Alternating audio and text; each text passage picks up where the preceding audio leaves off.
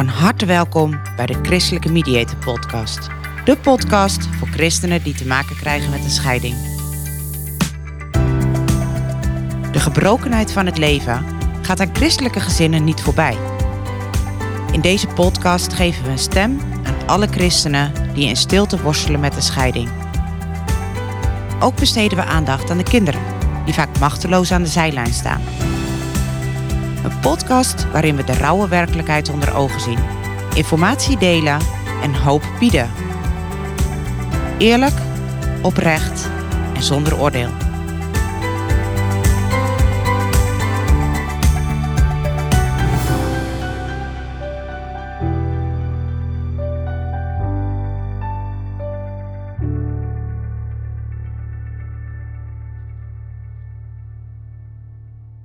Welkom bij weer een nieuwe aflevering van de Christelijke Mediator Podcast.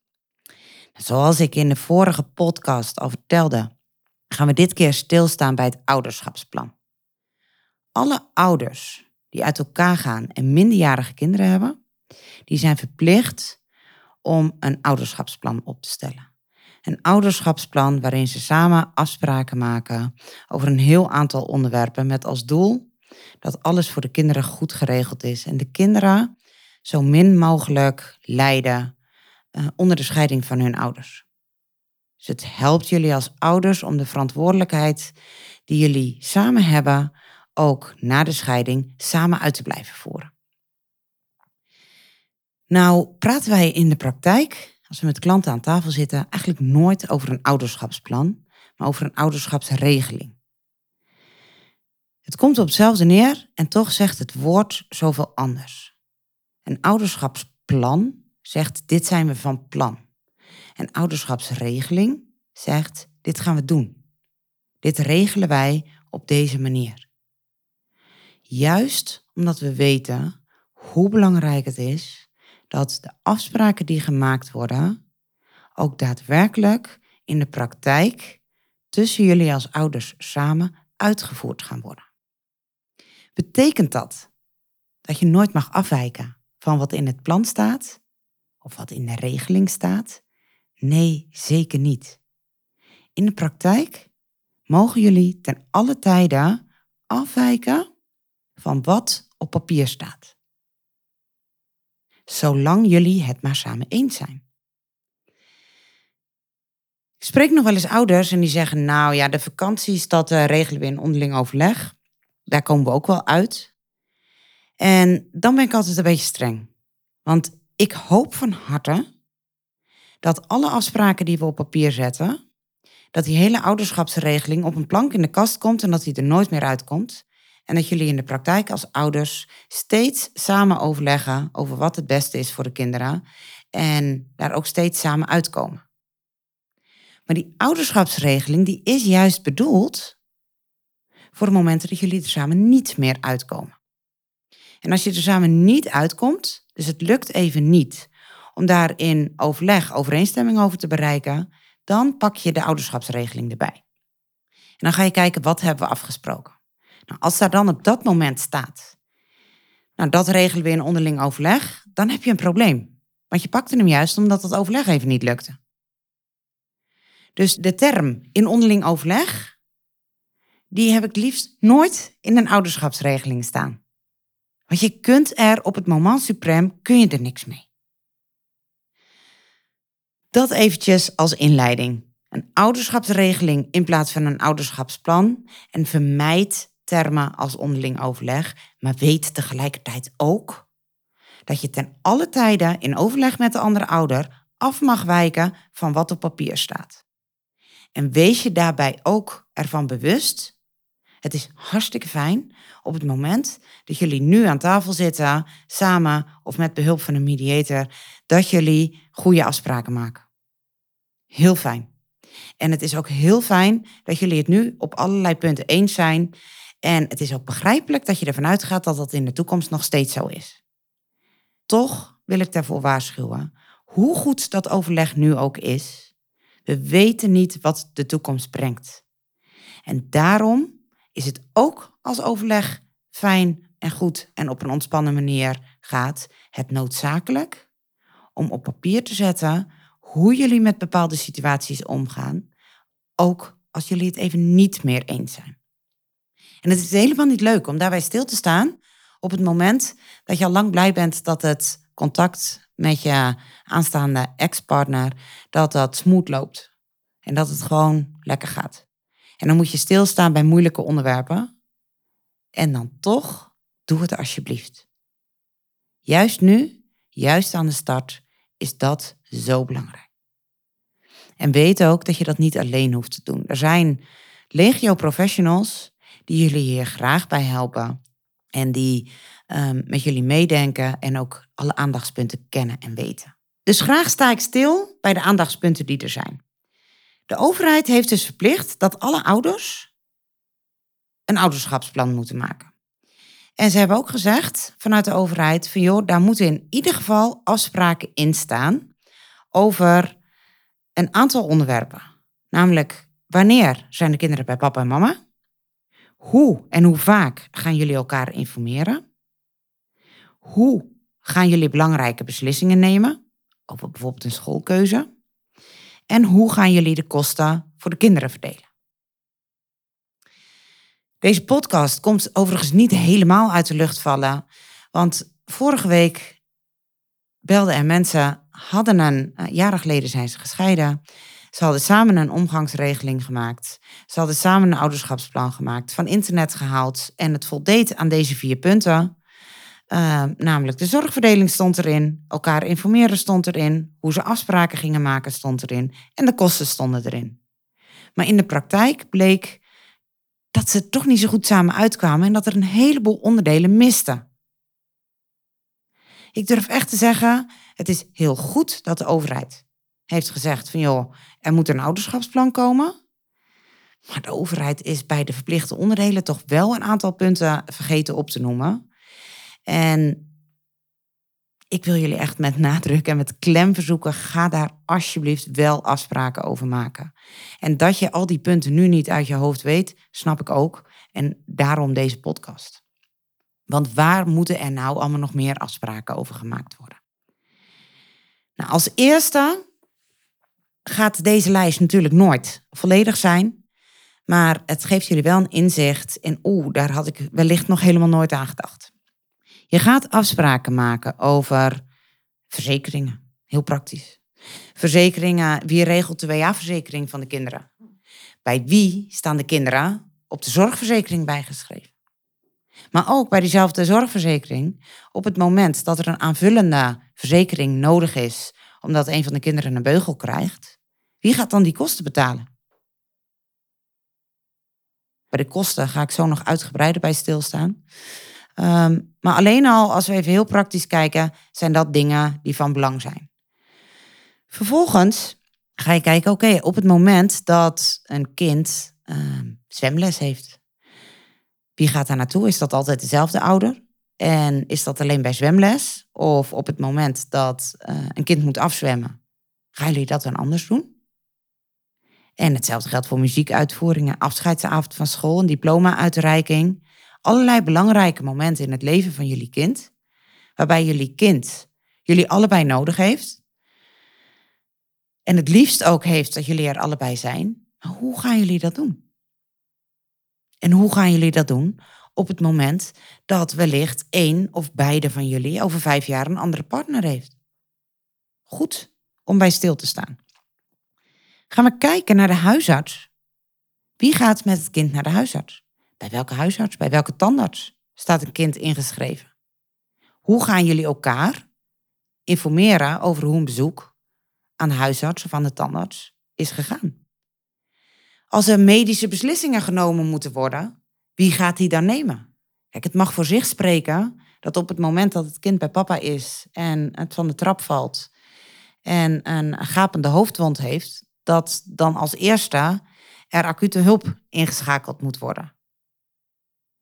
Maar het mag ook voor zich spreken dat zo snel als mogelijk ook de moeder geïnformeerd wordt. Maar er zijn ook andere medische beslissingen die nodig zijn.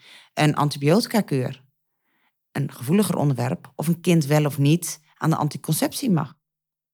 Of een kind wel of geen vaccinatie krijgt. En welke vaccinatie dan wel en welke niet? Wat is de stem van het kind daar zelf in? Speelt leeftijd daarin nog een rol?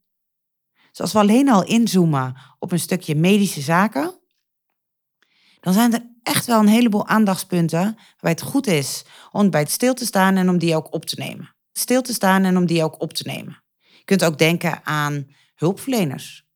Willen we een christelijke hulpverlener? En als er een hulpverlener ingeschakeld wordt, hoe gaan we dat dan doen? Regelt papa dat? Regelt mama dat? Wie bepaalt dan welke hulpverlener het gaat worden? Nou, noem allemaal maar op. Als een kind langdurig ziek zou worden, zijn afspraken ook aan te bevelen. Langdurig ziek, een kind ligt uh, met vijver op bed. Gaan we dan de omgangsregeling houden zoals die is? En gaan we het zieke kind vervoeren? Of moeten we dan wellicht andere afspraken maken? En stel nou dat papa mama, of dat papa of mama een ongeluk krijgt, of langere tijd ziek is. Wie gaat dan de zorg voor het kind overnemen? Voor de kinderen? En iets wat natuurlijk helemaal niet leuk is om bij stil te staan. Maar stel nou dat jullie kind niet alleen ziek is, maar er zou ook iets met jullie kind zodanig gebeuren dat het kind overlijdt. Willen jullie dan een begrafenis? Of toch liever een crematie? En hoe gaan jullie dat dan regelen? Wie gaat dat betalen? Kans dat het gebeurt is klein. Maar als het gebeurt, dan is duidelijkheid daarover zo belangrijk. En ik hoop en ik verwacht dat de meeste ouders hier prima uitkomen op het moment dat een kind daadwerkelijk zou overlijden. Maar er zijn echt schrijnende voorbeelden in de praktijk. Waarbij ouders daar op het moment dat het kind is overleden niet uitkomen. Omdat de ene ouder bijvoorbeeld niet meer gelooft. Of anders naar het geloof is gaan kijken. Anders naar begraven of naar cremeren is gaan kijken. En dan zijn er in het slechtste geval scenario's waarbij dat via een kort geding bij de rechtbank moet eindigen. En dat de rechtbank een knoop zou door moeten hakken over wat er met het kind op dat moment gebeurt. Dat kan en mag natuurlijk nooit gebeuren. Hebben jullie wel eens stilgestaan bij van joh, wat nou als ons beiden iets overkomt? Wat nou als wij er beiden niet meer zijn en onze kinderen zijn nog minderjarig? Wie gaat dan voor onze kinderen zorgen? Je kunt dat bij de notaris laten vastleggen maar je kunt ook zeggen van joh, hey, wij hebben nu zijn we afspraken aan het maken. Dus nu willen we ook graag deze afspraken vastleggen. Als we kijken naar Vaderdag en Moederdag, dan hoop ik natuurlijk dat het zonder enige twijfel zo is dat de kinderen op Vaderdag bij vader zijn en op Moederdag bij moeder. En ik heb het dan over de. In, in, dit, in dit hele gesprek, of in deze hele podcast, heb ik het over de grote lijn dat er situaties zijn waarbij kinderen niet veilig zijn bij mama of bij papa. Natuurlijk weet ik dat die er zijn.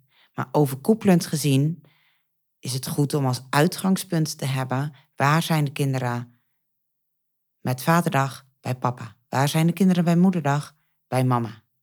En ja, dan is het voor een kind ook heel fijn om de avond voorafgaand bij die ouder te slapen.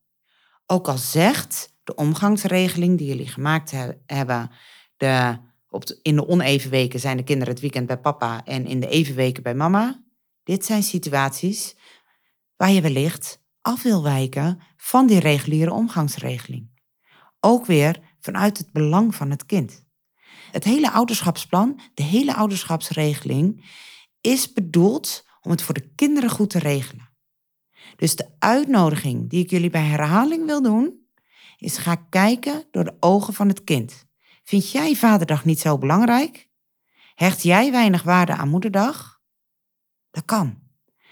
Maar verplaats je even in de kinderen. Die hebben op school of op het kinderdagverblijf hebben ze knutselwerkje gemaakt. En die hebben ze vrijdag hebben ze die allemaal meegekregen. En die mogen ze dan zondag aan papa of mama geven. En wat blijkt nou? Op zondag ben je bij de andere ouder. En dan kom je in de kerk en dan vraagt de dominee, joh, heb je nog iets moois gemaakt? Hebben jullie nog iets moois gemaakt? Of bij de kindernevendienst of bij de zondagsschool? Noem allemaal maar op. En dan moet dat kind vertellen: nee, ik heb nog niet kunnen geven, want ik was vandaag niet bij papa. Of ik was vandaag niet bij mama. Voor een kind is dat heel pijnlijk. En vrijwel elk kind wil op vaderdag bij papa zijn en op moederdag bij mama. Het is ook goed om afspraken vast te leggen over hoe gaan we om met de verjaardagen van papa en mama. Van opa en oma. Van neefjes en nichtjes. Aan de ene kant wil je voorkomen dat het kind belangrijke momenten mist. En aan de andere kant wil je ook voorkomen dat er totaal geen structuur zit en er continu afgeweken moet worden van de verdeling die jullie hebben gemaakt. Je wilt als ouder ook graag zelf je plannen kunnen maken. En ook zelf kunnen zeggen van nou, dan ben ik een weekendje weg of dan ga ik daarheen. Uh, dan gaan we op eh, zondag naar de doopdienst van, ik noem maar op. En dan is het naar als er steeds moet afgeweken worden omdat opa jarig is, omdat oma jarig is, omdat dat neefje zijn verjaardag viert. Dus ga daar eens als ouders over in gesprek. Wat vinden wij daarin belangrijk en wat zijn de gevolgen daarvan? In de basis mag je alle afspraken vastleggen. Maar het is goed om naar de gevolgen te kijken en om die te overzien. Pas dan kan je goede en weloverwogen keuzes maken. Een ander punt van aandacht is hoe gaan we om met de verjaardag van ons jarige kind? Gaan we die samen vieren? En als dat lukt, is dat fantastisch. Maar hoe gaan we ermee om als dat niet meer zou lukken? En dat samen vieren, bij wie doen we dat dan? Doen we dat dan in papa's huis, in mama's huis? En hoe gaan we daarmee om als er een nieuwe partner zou zijn? Is diegene er dan ook bij? Of is diegene er dan niet bij? Houden wij de reguliere omgangsregeling aan op verjaardagen? Ook al zou dat betekenen dat er wellicht zes, zeven jaar achter elkaar een verjaardag bij een en dezelfde ouder wordt gevierd? Of zeggen we van joh, in de oneven jaren is die verjaardag bij papa en in de even jaren bij mama? De kinderfeestjes van de kinderen, wie gaat die regelen? Samen, één van beiden, om en om. Wie gaat de kosten betalen? Als de verjaardag bij papa of bij mama wordt gevierd, is er dan een afspraak wanneer het kind de andere ouder ziet? Op die dag? Gaan jullie wel of geen gezamenlijk cadeautje geven? Zo ja, voor welk bedrag? Wie gaat dat uh, regelen? In welk percentage gaan jullie die kosten verdelen? Allemaal zaken om goed bij stil te staan. Nou weet ik niet hoe het met jou zit, maar als ik naar, uh, als, als moeder kijk en ik ga naar onze zolder, dan staan daar allerlei bakken met knutselwerkjes van de kinderen toen ze uh, voor het eerst uh, naar de kleuterschool gingen. En daar zitten nog vaderdag en moederdag cadeautjes in. Er zitten nog eerste sokjes en een eerste rompertje. Dat enorm kleine luiertje, nou noem maar op. Allerlei spullen die we als ouders in de loop van de tijd hebben verzameld en uh, zorgvuldig hebben bewaard, met als doel om dat later aan de kinderen mee te geven. Wie gaat deze spullen bewaren? Gaan jullie ze verdelen? Is er een van beide ouders die het bewaart? En maken jullie de afspraak dat de andere ouder dat kan inzien? Gelukkig leven we in een tijd waarin foto's veelal digitaal zijn, maar misschien zijn er ook fotoboeken. Kunnen die gedupliceerd worden? Of zijn het echt nog papieren, dus, dus het fotootje met uh, fotolijm ingeplakt in het album. Hoe gaan we daarmee om? Krijgen de kinderen zakgeld? En zo ja, hoeveel? Kleedgeld? Wat moeten ze daarvan betalen? Welke bedragen houden we aan? Wie geeft dat aan de kinderen? En geeft diegene dat uit naam van zichzelf of uit naam van beide ouders? En als het kind geen kleedgeld krijgt, omdat het nog te jong is of omdat jullie dat gewoon als ouders geen verstandig idee vinden, wie gaat dan de kleding voor de kinderen kopen?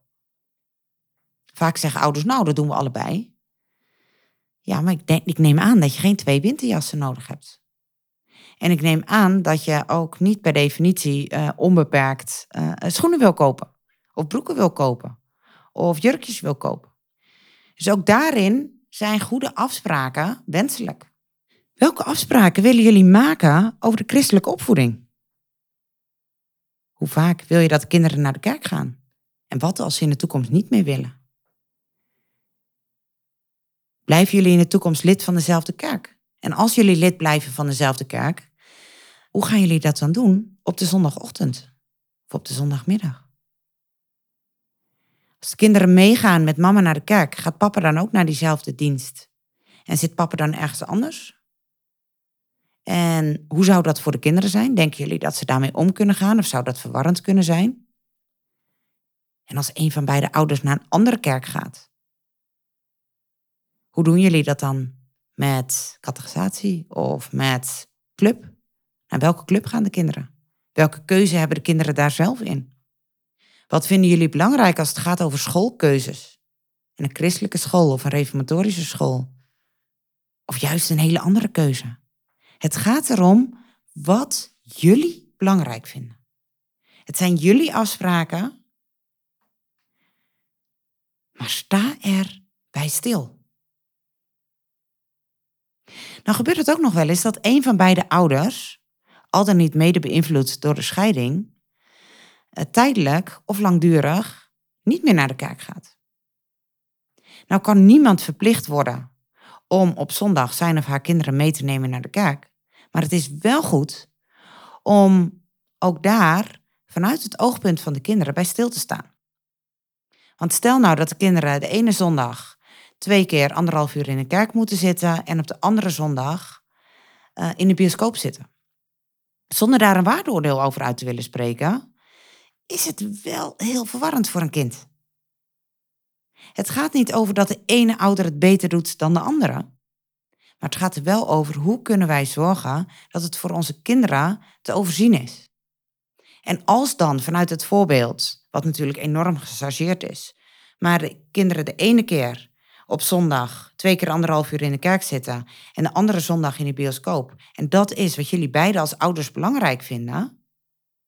Dan kan het ook zijn dat je overeenkomt dat je op een respectvolle manier over elkaar blijft praten en de kinderen uitlegt dat papa en mama op een andere manier in het leven staan.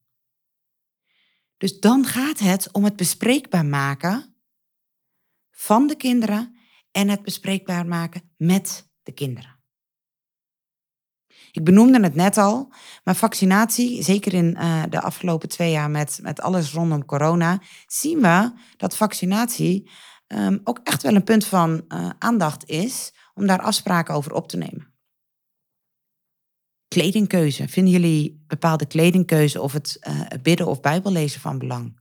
En zijn jullie er ook van bewust? Dat je in die zin geen invloed kunt uitoefenen op wat er bij de andere ouder gebeurt. En hoe is dat voor je? Welke kaders zijn daarin voor jou belangrijk? Als christelijke mediator staan we daar natuurlijk uitvoerig bij stil. En helpen we jullie ook van, maar wat mag je wel van de ander verwachten en wat niet? Hoe schrijf je dat zodanig op dat het voor beide, maar vooral voor jullie kinderen rust gaat geven? Vanuit dat christelijk oogpunt kan je ook kijken naar hoe willen wij als ouders omgaan met relaties, met seksualiteit. Wat als onze 15-jarige dochter na uh, twee jaar verkering komt en zegt: Ik wil dat mijn vriendje blijft slapen? Hoe gaan jullie daarmee om? Hoe gaan jullie als ouders daarin een eenduidige opvoedstijl op dit punt in ieder geval uitdragen? Dingen die uh, hopelijk, tenminste, ik hoop als ouder dat uh, mijn kinderen daar ver weg van blijven. Maar um, een kind kan komen met de vraag: mag ik een piercing? Mag ik een tatoeage? Of ze worden geconfronteerd met drugsgebruik of met alcohol. Hoe gaan jullie als ouders één lijn trekken en elkaar ook op de hoogte houden van eventuele misstappen uh, die een kind begaat? Want we kunnen, onze kinderen blijven niet klein, ze worden groter, ze gaan zelf ontdekken, ze gaan zelf zich al dan niet afzetten tegen regels die je als ouders hebt gemaakt. En ik ben niet opgegroeid bij gescheiden ouders. Maar ik wist als geen ander bij welke ouder ik uh, moest zijn als ik een extra, extra snoepje wilde. Of als ik extra zakgeld wilde. Of als ik later naar bed wilde. Een kind weet heel goed bij welke ouder hij of zij moet zijn. En als gescheiden ouders heb je daar gewoon een extra taak. Om die hoofdlijnen met elkaar te blijven afstemmen als er uh, schoolkeuzes gemaakt moeten worden, of als er um, medische beslissingen genomen moeten worden, dan moet je dus met elkaar in overleg. Dan moet je elkaar informeren, met elkaar overleggen tot er overeenstemming is. Hoe gaan jullie dat doen? Hoe ga je met elkaar communiceren over het welbevinden van je kind of als je je zorgen maakt?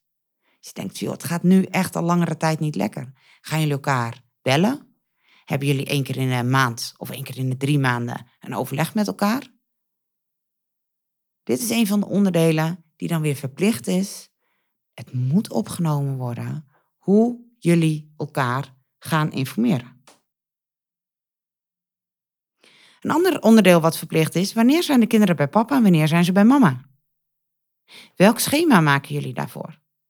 En zijn er al dan niet redenen om van dat schema af te wijken? En welke redenen zijn dat dan? En als de kinderen op maandagochtend bij mama wakker worden en maandagmiddag uit school naar papa gaan, maar het kind is ziek, wie neemt dan vrij van zijn werk? Echt een punt waar veel ouders op spaak lopen, waardoor steeds dezelfde ouder zich verantwoordelijk voelt om vrij te nemen. Terwijl als je hier eenduidige afspraken over maakt, wederom mag je daar in de praktijk van afwijken. Maar het kan wel heel helpend zijn om conflicten te voorkomen terwijl een van beiden met een ziek kind thuis zit en een belangrijke vergadering op zijn of haar werk heeft. Die omgangsregeling gaat natuurlijk aan de ene kant over uh, gewoon de reguliere schoolweken, maar ook over de vakanties. Hoe gaan jullie die vakanties verdelen? Wanneer zijn de kinderen um, tijdens de feestdagen bij de ene en bij de andere ouder? Doen jullie dat jaarlijks om en om? Of is het elke eerste kerstdag bij de een, tweede kerstdag bij de ander? Op het moment dat je dit soort dingen doorspreekt met een mediator en scheidingsadviseur aan tafel, dan zal diegene je ook nog tips en adviezen geven wat voor kinderen wel en niet fijn is. Want je kunt even vanuit jullie idee zeggen: oké, um, oudjaarsavond zijn de kinderen bij papa en dan gaan ze op nieuwjaarsochtend om tien uur naar mama. Een kind van uh, uh, 10 jaar zal dat prima vinden. Maar een kind van 15 jaar zegt, ja dag, dan wil ik uitslapen. En met kerst kan je zeggen van nou, we doen om en om het ene jaar kerstavond bij papa, andere jaar bij mama. En dan doen we uh, eerste kerstdag bij de een en tweede kerstdag bij de ander. Nou, het is een prachtige verdeling. Hij is tussen jullie als ouders heel eerlijk. Maar hoe is die voor jullie kinderen? Past dit bij jullie kinderen? Of zou het jullie kinderen meer rust en duidelijkheid geven als het in de even jaren op kerst bij papa is en het andere jaar bij mama? Wat past bij jullie als gezin? Het gaat echt om maatwerk. En dat maatwerk is ook weer als het gaat om tradities. Zijn er familiedagen um, met uh, de, de familie van de ene of van de andere kant? Hoe kijken jullie daarnaar? Mag het kind daar naartoe, ondanks dat het misschien volgens de omgangsregeling ergens anders verblijft? Aten jullie altijd op vrijdagavond pizza? Gaan jullie dat dan ook in stand houden na de scheiding? Voor kinderen vaak een heel belangrijk eikpunt dat niet alles is veranderd. Dus ook daarin kan het heel helpend zijn om goed stil te staan bij wat is er nou voor ons belangrijk, maar ook wat is er voor onze kinderen belangrijk. Als het gaat over de omgangsregeling, is er overigens nog wel eens een fabeltje wat rondzinkt. Namelijk dat een kind van 12 jaar of ouder zelf mag kiezen bij welke ouder hij of zij is. Dat ligt echt genuanceerder. Een kind van 12 jaar mag meepraten en meedenken over wat hij of zij belangrijk vindt. Dus die is genuanceerder dan een volledige keuze. Ik wil helemaal bij papa of helemaal bij mama zijn. We kunnen met z'n allen zeggen dat geld niet gelukkig maakt en dat geld eigenlijk niet zo belangrijk is. En toch zien we eigenlijk dat de kosten heel vaak een punt van discussie zijn tussen ouders die zijn gescheiden. In deze podcast ga ik daar verder niet op in, maar er zijn twee manieren om na de scheiding om te gaan met de kosten voor de kinderen. Dat kan middels kinderalimentatie en dat kan via een kinderkostenrekening. Aan beide zitten voordelen en nadelen. Aan beide zitten uitdagingen. Maar hoe dan ook zal er bij tijd en wijle communicatie nodig zijn over de kosten voor de kinderen. En het is ontzettend fijn als jullie, dat, als jullie daar samen in overleg uitkomen. ook hier weer geldt, als jullie daar niet uitkomen, is het zo wenselijk dat dat op papier staat en dat daar sprake is van een verdeling die voor jullie allebei goed voelt. Ook daarin ligt er weer een taak voor een mediator en een scheidingsadviseur om samen met jullie te gaan kijken welke keuzes maken jullie daarin, welke ouder kan de ene kosten dragen, welke ouder kan de andere kosten dragen en in welk percentage dan. Als dat vast ligt, scheelt dat heel veel gedoe in de toekomst. Nou zou ik nog legio andere voorbeelden kunnen noemen waar je allemaal in een ouderschapsregeling bij stil zou moeten staan. Ehm, maar heel veel hoofdlijnen zijn in ieder geval de revue gepasseerd. Eentje wil ik er nog wel uithalen. En dat is, hoe gaan jullie ermee om als een van jullie of jullie beiden een andere partner hebben? Binnen welke termijn wordt een partner voorgesteld? Welke rol heeft die nieuwe partner ten aanzien van jullie kinderen? Jullie zijn en blijven altijd de ouders. Maar er komt dus één of twee andere volwassenen komen in hun leven. En de meeste ouders die hebben zoiets van: hallo, prima dat jij een andere partner hebt. Ja, ik vind het eigenlijk niet prima, want het raakt. Maar prima dat jij die andere partner hebt, maar weet, ik ben de moeder. Weet, ik ben de vader. En dat blijft natuurlijk ook voor altijd zo. De kinderen hebben maar één papa en één mama. En toch is de kans groot dat ze wel nu of later geconfronteerd worden. Ik zeg nu of later, niet nu, stand P nu, maar dat ze binnen een jaar of uh, binnen vijf jaar geconfronteerd gaan worden met een andere partner. Gaan jullie dan voordat dat gebeurt, eerst elkaar informeren? Gaan jullie daar samen afspraken over maken? En wat doen jullie als jullie daar niet uitkomen? Of kan dat gewoon los van elkaar zonder overleg? Kan daar dan zomaar een kennismaking zijn?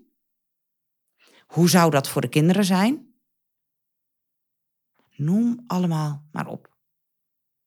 Maar weet in ieder geval in de basis dat er maar één papa en één mama is. En dat dat ook een plek verdient in de ouderschapsregeling.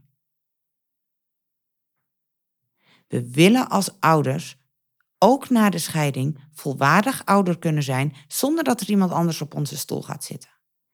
En als we hem heel praktisch bekijken, dan is dat ook meer dan logisch. Goede afspraken kunnen die rust en die veiligheid voor jullie als ouders, maar ook voor jullie kinderen bewerkstelligen. En daarom gaat dit moeilijke onderwerp niet uit de weg. Want een makkelijk onderwerp is het niet, een waardevol en belangrijk onderwerp wel. Als allerlaatste punt vind ik het altijd heel belangrijk dat er afspraken opgenomen worden. Hoe gaan wij als ouders deze afspraken evalueren. Want jullie kinderen zijn nu misschien uh, 7 en 9. Uh, ehm, maar die kinderen die zijn over een paar jaar, en dat gaat sneller dan wij denken, zijn ze 13 en 15. Wellicht passen die afspraken dan niet meer. En dan kan het heel goed zijn om bijvoorbeeld één keer per jaar eens naar de afspraken te gaan kijken. Niet op het moment dat er een conflict is, juist op het moment dat er rustig overleg mogelijk is. En dan kunnen we hem bijstellen advies is dan altijd om die bijstellingen ook schriftelijk vast te leggen. Want op het moment dat je het schriftelijk vastlegt, is het voor iedereen duidelijk. Nou, daarmee is ook aan deze podcast weer een einde gekomen. Ik hoop dat ik jullie op deze manier wat tips en handvatten heb mee kunnen geven. En zoals altijd geldt, schroom niet om aan de bel te trekken. Bel gerust even. Mail gerust even als je praktische vragen hebt. En het belangrijkste wat ik in deze podcast wilde meegeven, maak goede afspraken. Ook als het overleg nu soepel loopt. En probeer daar echt een maatwerkdocument van te maken. Dus je kunt nu even snel en goedkoop en voordelig ouderschapsregeling een ouderschapsplan uh, trekken van internet. Dus een format wat prima voldoet aan de eisen die onze overheid eraan stelt. Maar vraag jezelf steeds af: is dit ook een plan en een regeling die past bij ons als gezin, die past bij ons als ouders, die past bij onze kinderen? Dank voor het luisteren naar de Christelijke Mediator Podcast. Mocht je behoefte hebben aan advies of aan een luisterend oor, schroom niet. Neem vooral even contact op. Dat kan via www.christelijkemediator.nl. We helpen je graag. Je staat er niet alleen voor. Wil je geen aflevering meer missen? Abonneer je dan op de podcast in je favoriete luisterapp.